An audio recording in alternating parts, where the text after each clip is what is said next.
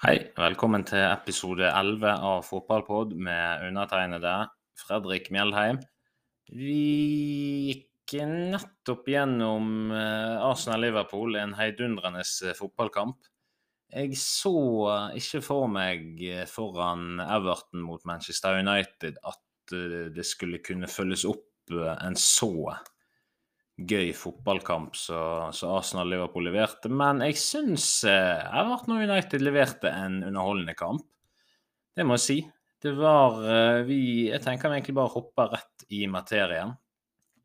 I denne episoden så er det kun Everton mot Manchester United som skal gås gjennom. Og så tenker jeg at kanskje i morgen eller, eller etterpå, se litt hva jeg får tid til så lager jeg en liten oppsummering av de andre kampene som var i dag. da. Det var jo Crystal Palace mot Leeds og Westham mot Fulham òg. Men i morgen så spiller jo eh, Nottingham Forest mot Aston Villa, var det? Ja. Så kanskje jeg samler de tre i en episode i morgen. Håper å få til det. United kan begynne litt med de. Det var ikke så mange overraskelser i Everton sitt 4-3-3-system, sant? så det er ikke så mye egentlig utenom normal i lagoppstillingen der. Erik Ten Hag har jo egentlig siden Liverpool-seieren, så har jo det egentlig vært litt gjennomlysende da, hva han egentlig vil spille. sant? Han vil spille 4-2-3-1, og han har funnet de, de folkene han har lyst til å relye litt på da, i, i den formasjonen. Det var ingen Rafael Farran fra start i dag. Franskmannen har jo en litt sånn eh, litt skeiv historikk med skader, så jeg forstår jo at de ikke vil risikere for mye. Jeg tror det kan være klokt å hvile han i litt sånn da bunn ti-kamper i Premier League. Kommer litt nærmere inn på det etterpå. Det er en svekkelse i forhold til Viktor Lindeløv, det er det. Men som ventet oss, er jo Victor Lindløv tredjevalg på stoppeplass og Maguire, som tydeligvis da egentlig er fjerdevalget. Dette fører igjen til en annen ting, sant. Du har Faran 1, Martinez 2, Lindeløv 3, Maguire 4. Men det betyr òg at Bruno Fernandes i praksis er Manchester United-kaptein. For han er jo egentlig visekaptein, men det er han som starter alle kampene. Det gjør ikke Maguire. Så Bruno Fernandes er Manchester United-kaptein. Vi kan egentlig si det. Casemiro starter sin første Premier League-kamp. Det fikk han ikke lov til før i åttende serierunde. Han starter ved siden av Eriksen. Det er tydelig at Ten Hag er mest ambivalent på toeren på midten i sitt 4-2-3-1-system. Eh, han er tydeligvis ikke fornøyd nok med stallen til å spille 4-3-3 sånn som han gjorde med Ajax da de var på sitt beste, særlig Champions League-campaignen deres da i 18-19-sesongen. Men Ajax spilte òg under Ten Hag ofte 4-2-3, særlig siste året. Men det er verdt å nevne, syns jeg, at de beste Ten Hag-prestasjonene i Ajax kom i 4-3-3. Så, så, kanskje det stemmer litt at han må ta til Young for å spille sånn. Mm. Uansett, da, så framme så er det tydelig at i hvert fall òg ut ifra preseason da, i Australia og, og, Oslo og disse landene her de var innom, at han foretrekker Martial som spiss, Rashford på venstrekanten og Anthony på høyrekanten og Ronaldo på benk. Dette er den tredje United-manageren, kanskje fjerde hvis du inkluderer Ragnhild, på rad, som mener at Rashford er best på venstrekant og spiss. da. Og Det syns jeg er litt interessant, for det tyder på at, eh, det, tyder på at det stemmer, og det er òg supportere sin oppfatning, og fotballfolk eh, ser det ut som. Det er en spennende, ikke altfor gammel United-elver som kommer ut i kveld, eh, tenker vurderer jeg.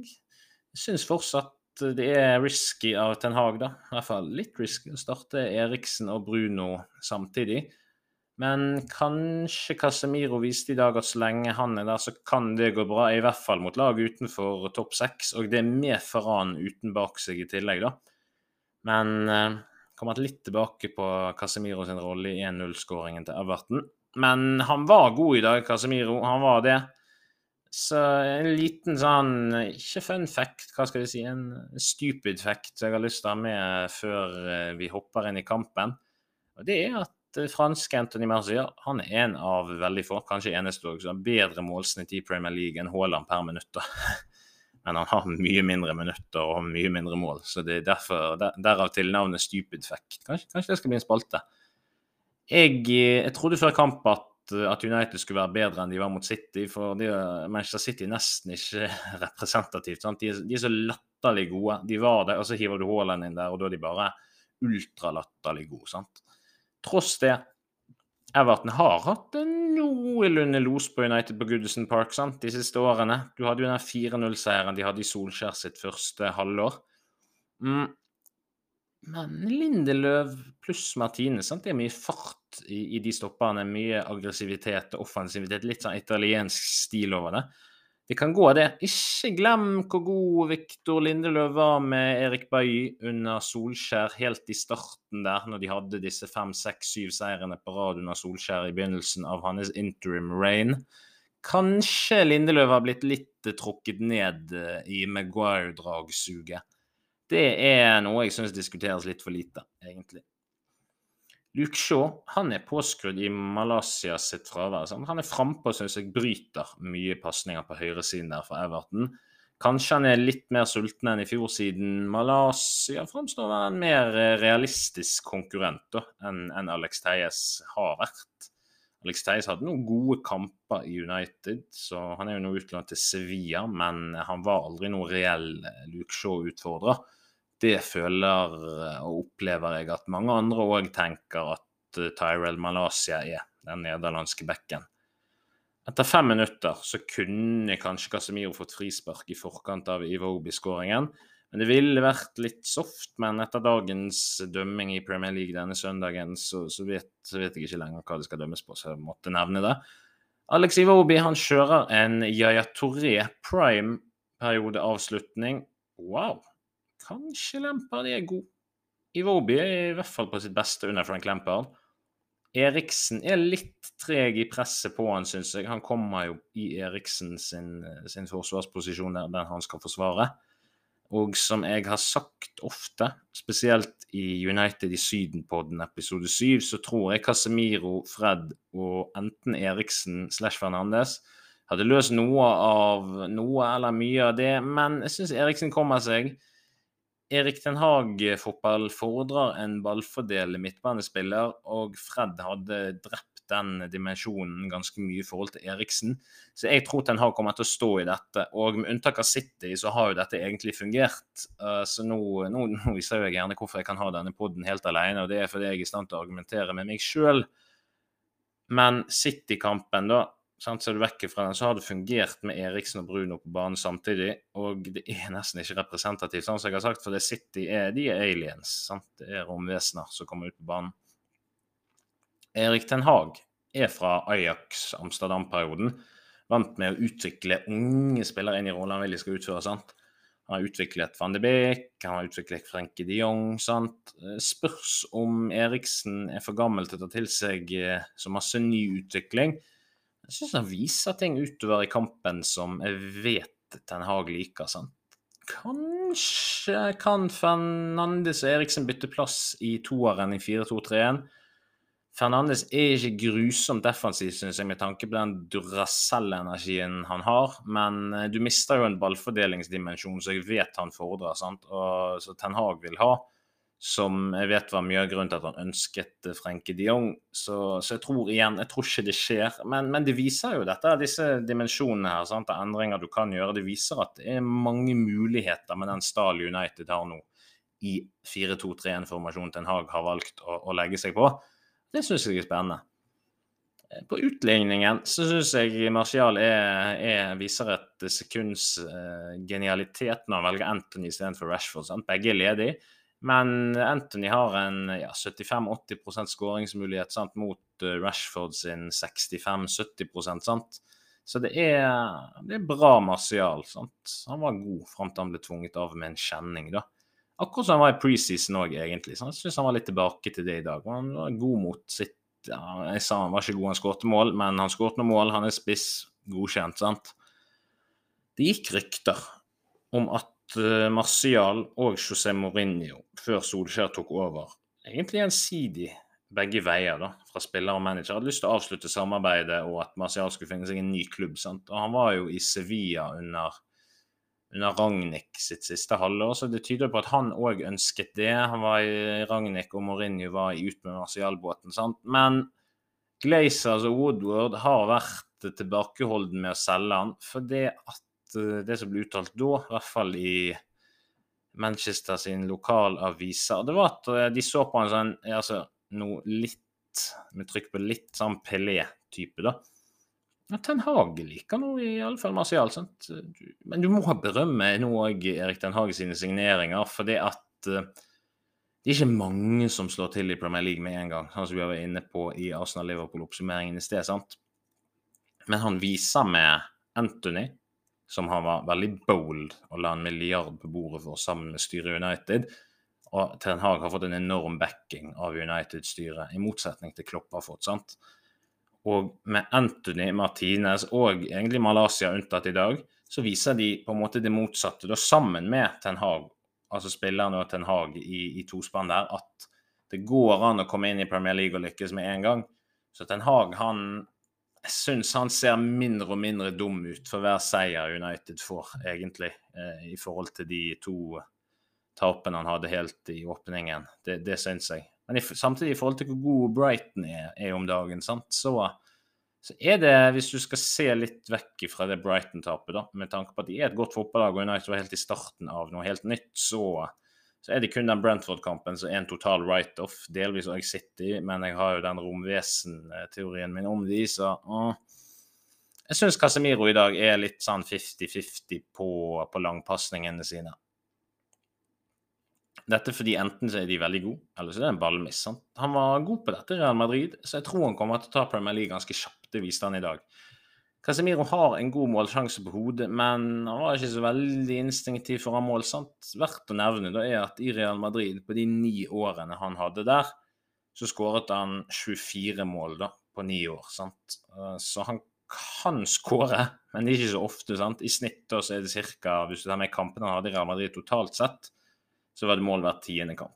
Men han burde satt den alene, upresset. sant? Casemiro var mye opp og ned i dag, sant? men han ble bare bedre og bedre utover i kampen. Han er litt skyldig i 1-0, selv om det er en litt sånn soft uh, Veldig soft forseelse på han. Men Casemiro er veldig imponerende, syns jeg, når det er 1-2 rett før pause. sant? Han snakker, han guider, og han styrer Victor Lindeløv og, og, og Lisandro Martinez. Så her viser han pondusen sin stoisk ro, tydelige beskjeder. sant? Det må, må være en lettelse for, for Christian Eriksen og, og Bruno at han, at han, er der. Det, han tar vekk litt dette her eh, tyteansvaret fra Bruno Fernandes, syns jeg, og det, og det fortjener han. Det, nå har Bruno Fernandes tøte i nok år til at det er på tide at noen andre hjelper han litt. Jeg syns Shaw igjen har flere kjappe ballvinninger rett etter balltap. Sant? På første Everton-pasning slår etter ballvinning. sant? så er Shaw sulten framme og, og, og altså, intercepter. Sant? Eh, så jeg syns han responderer bra på en utfordrende Tyrell Malaysia, syns jeg. Ronaldo har i dag to ran. ene før skåringen sin og den andre etter skåringen sin. Han raner Bruno Fernandes fra målsjanser. Sant? Han er litt rusten. Jeg skjønner Fernandes sin frustrasjon. sant? Ellers har Ronaldo en fin finte og svak avslutning med, med venstre fot før han skårer. Altså igjen rusten, sant. Men nok en gang til slutt så puttet Cristiano Ronaldo på Goodison Park. Tror ikke han så det for seg når han startet på benken, at han skulle sette sitt 700. mål etter 1,45 eh, minutter når han gikk og satte seg på når klokken viste 0-0. Så litt sånn eh, typisk Ronaldo-skåring.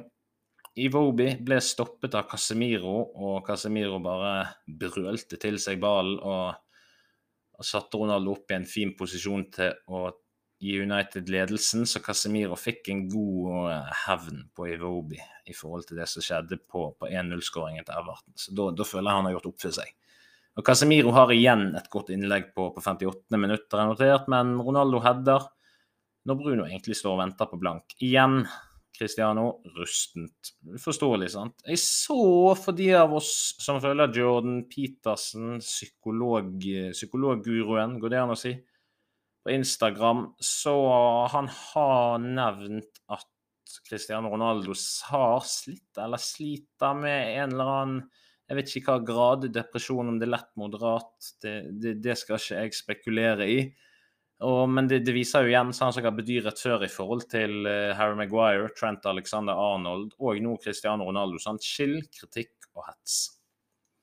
James Tarkovsky han viser i dag for Everton hvorfor jeg tror ikke de roter seg inn i nedrykksstriden. Og Det er fordi han har med seg har med seg Burnley og Sean Dyche-erfaring. Og den, den, trenger Frank Lampard egentlig. Jeg trodde ikke jeg skulle si at noen trengte Burnley og Sean Dyche-erfaring, men det gjør Frank Lampard. For det, det, det var, det var hårreisende forsvarsspill av Everton i fjorårssesongen. Men i år de, de roter seg ikke inn i denne møljen der nede. For det første er det noen lag der som er så dårlige at jeg tror ikke Everton rykker ned. men Everton har fått inn så mange typer som gjør at jeg de, de, Everton rykker ikke ned. Så, så, hvis de gjør det, så får heller noen smarte ta lydopptak av meg nå og så, og så drite meg ut altså seinere. Men plutselig etter 60 minutter så minner en god venn meg på at Sancho er ikke innpå. Nei, innpå. Men jeg kjenner støtter Ten Hag på det, fordi at uh, han har hatt noen mål, noen gode prestasjoner, særlig målet mot Liverpool i runde tre. Men har vært altfor ujevn. sant? Anthony har hatt pangstarten sin, én milliard mann. Martial er en god spiss, Ronaldo er det òg, det vet vi jo egentlig, sant? Mens Rashford, som jeg har vært innpå, han er god til venstre, sant. Så, så jeg forstår at Sancho For øyeblikket så mener jeg Sancho er tredjevalget på, på de vingposisjonene. Så det syns jeg. Jeg syns det skal være Anthony og Rashford som er første navn på, på de plasseringene. Men eh, i kjent skadehistorikkstil så kommer Rashford til å bli skadet. Martial kommer til å være det, så Sancho kommer til å spille veldig mye for United i år. Hmm, på 62 minutter så lurer jeg på om Gordon hadde en litt stygg takling på, på Bruno Fernandes. Så ny oransje der. Lurer, lurer, litt på det, altså. Hmm, kanskje han skulle hatt rødt. Igjen, rar dømming i disse kampene i dag. Calvert Lewin kommer inn rundt 70-75 minutter. Godt for Everton, det. Målfarlig type. Erik Ten Hage ingen fan av å bytte tidlig. Oser kontinuitet. Det var samme i Ajax alle årene, egentlig. Jeg husker, eh, det er jo kanskje flere enn meg òg, alle spillerne som lå strødd eh, etter Ajax sine Champions League-kamper i 2018-2019-sesongen. For det Ten Hag han vil ha samme gjeng utpå der eh, lengst mulig, så litt interessant, det at han ikke liker å bytte tidlig. Han liker kontinuitet, det kan vi i hvert fall eh, stå fast ved. Bruno etter rundt 78 minutter kunne sentret Anthony alene på blank goal. Han var ikke like klok som Martial var på 1-1-skåringen i forkant av Anthony sitt mål. Bruno valgte Ronaldo, som var dårligere plassert, men det, det skjedde fort der. Så, så det, er, det, var ikke noen stor tabbe, men verdt å nevne. det. På det som ble en annullert 1-3-skåring, var Rashford tilbake til Solskjær sin første hele sesong, syns jeg. Han gjør alt rett fra, fra midtbane og inn. Det dømmes hens eh, litt snodig. Jeg syns det ser naturlig ut. Eh, den, jeg syns ikke det ser ut som han er ute etter å hense. Men i dag så er det visst kun Gabriel eh, Arsenal sin midtstopper som har lov å hense, da. Og, Michael Oliver som vet best hva som er hens. Rashford og Louis Diaz derimot, mm, nei, nei, fy-fy, de har ikke lov å hense. McTominay han er suspendert mot eh, Newcastle. Så neste runde ser jeg for meg at det blir litt omvendt nå i, i den toeren på midtbanen. Sant? Jeg tror vi ser Casemiro i Premier League mot Newcastle, og så er McTominay spiller nok Europaliga på torsdag mot Omonia Nicosia på Old Trafford. Så det er litt sånn uh, roles uh, reversed. Det er ingen overraskelse, det. Alle, jeg tror alle som kan litt fotball, vet at Casemiro er bedre enn McTominay. Det som jeg har sagt før, McTominay er en god fotballspiller, men vinner United titler med han? Nei. Jeg tror Lisandro og Victor, midtstopperne på United, kan funke utenfor topp seks-lagene. Kanskje United skal spare Varan til topp ti-kampene med tanke på skadehistorikken hans. Det hjelper jo òg selvfølgelig med en Casemiro foran de stopperne, sant? Og en Eriksen som tar til seg mer og mer av Erik Ten Hag sine defensive ideer, vil nok hjelpe. Typ litt sånn Frenkie de Jong-rolle, da. Så jeg forstår jo mer og mer. jeg Har vært kritisk før til Frenkie de Jong-jaget, men jeg skjønner det mer og mer nå når jeg har i etterpåklokskapens navn sett hvordan han vil United skal levere, og hvor viktig Frenkie de Jong hadde vært for at de hadde levert fra dag én, da. Men uh, Frenkie de Jong var fast bestemt på å bli boende på eh, Barcelona sin østkyst og, og bli i Spania. Så da ble det til slutt Casemiro som kom inn, da. Så da må Casemiro og Eriksen dele på å være en Frenke de Jong. Jeg syns kampen bekrefter at United er i god form.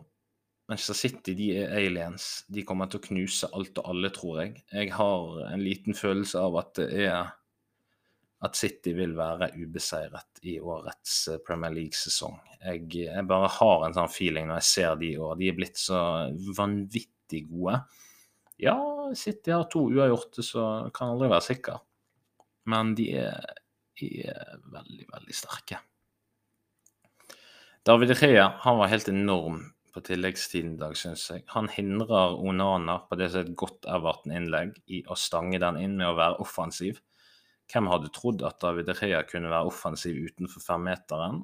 Jeg ble positivt overrasket på vegne av United. Rafael Farran kom inn for Anthony rett før Everton eh, startet med en cornerkavalkade av, eh, av dimensjoner på tilleggstiden der. Varan var jo helt enorm her sammen med Casemiro, Martinez. Så det, det, var vakkert forsvarsspill å se på. Sant? Det var sånn, skikkelig sånn kriging det er nesten så jeg føler jeg ser Real Madrid i 2017. sant? Og Erik Den Haag ser jo nesten ut som en Zindin Zidane med skjegg. sant? Og begge to har jo samme litt sånn gnurete ansiktsuttrykk, da. Så uh, ja. Dalot begynner igjen med sånn feiring i, i forsvaret med Martinez og litt foran. Og da, og da kjenner jeg at på United sin vei så blir jeg litt sånn trygg på seieren når de begynner med det, tross at Jordan Pickford kommer opp. Han blir jo da knust av uh, franskmannen foran i luften, da. Så Wow, for, for, et innhopp av Rafael Varan. Og så blir det da til slutt eh, avblåst, og United kan summere opp et, etter åtte kamper. Så har de tre tap og fem seire. Og de har tapt mot gode lag i form av City og Brighton og en write-off day mot Brentford. Jeg ser positive takter. Det jeg, eh, På vegne av Manchester United så er ikke jeg så grådig negativ som mange andre gjerne er. da. Fordi at de med Si de vinner hengekampen, da, så de har mot Hvem var det de skulle spille med den helgen der alt ble avlyst pga. Av dronningens dødsfall? Hvem var det de skulle møte? Det husker jeg ikke nå, men jeg mener det ikke var et av de største lagene. Så hvis de vinner den hengekampen, så klatrer de forbi Chelsea, sant? så har 16 poeng, United har 15, da får United 18. 18, så er de to poeng bak Tottenham. Og plutselig er topp fire bestående av Arsenal City, Tottenham, Manchester United. sant? Erik Ten Hag imponerer meg mer og mer. Han har, møtt, han har stått i en storm eh, etter City-kampen og i starten av sesongen. Han har, som jeg har vært inne på før, i likhet med Michael Arteta i Arsenal, han har gått Pep Guardiola-skole, han òg, i Bayern München eh, under Pep i, fra 2013 til 2015. To-tre år med, med, Pep, litt sånn som Arteta. sant? Kanskje kan vi få en litt sånn sjokk topp tre-sesong med City og Arsenal som slåss om første- og andreplassen. Og så kommer United og Tottenham til å slåss om tredje- og fjerdeplassen. Chelsea vil alltid være en faktor inni der. Vi har ikke sett nok Graham Potter Chelsea-fotball til å konkludere der, så litt, litt, kan vi diskutere dette. Det er en litt vill spenning der oppe nå. Sant? Hadde du trodd før sesongen at Liverpool og Chelsea skulle se ut som kanskje dels de to svakeste av topp seks-lagene, litt forbehold der? Det er litt tidlig å konkludere, men med, med, utgangspunkt i dagens kamp så ser United sterke ut. Tottenham er veldig resilente, syns jeg òg. Så det er en helt vill spenning oppe i topp seks.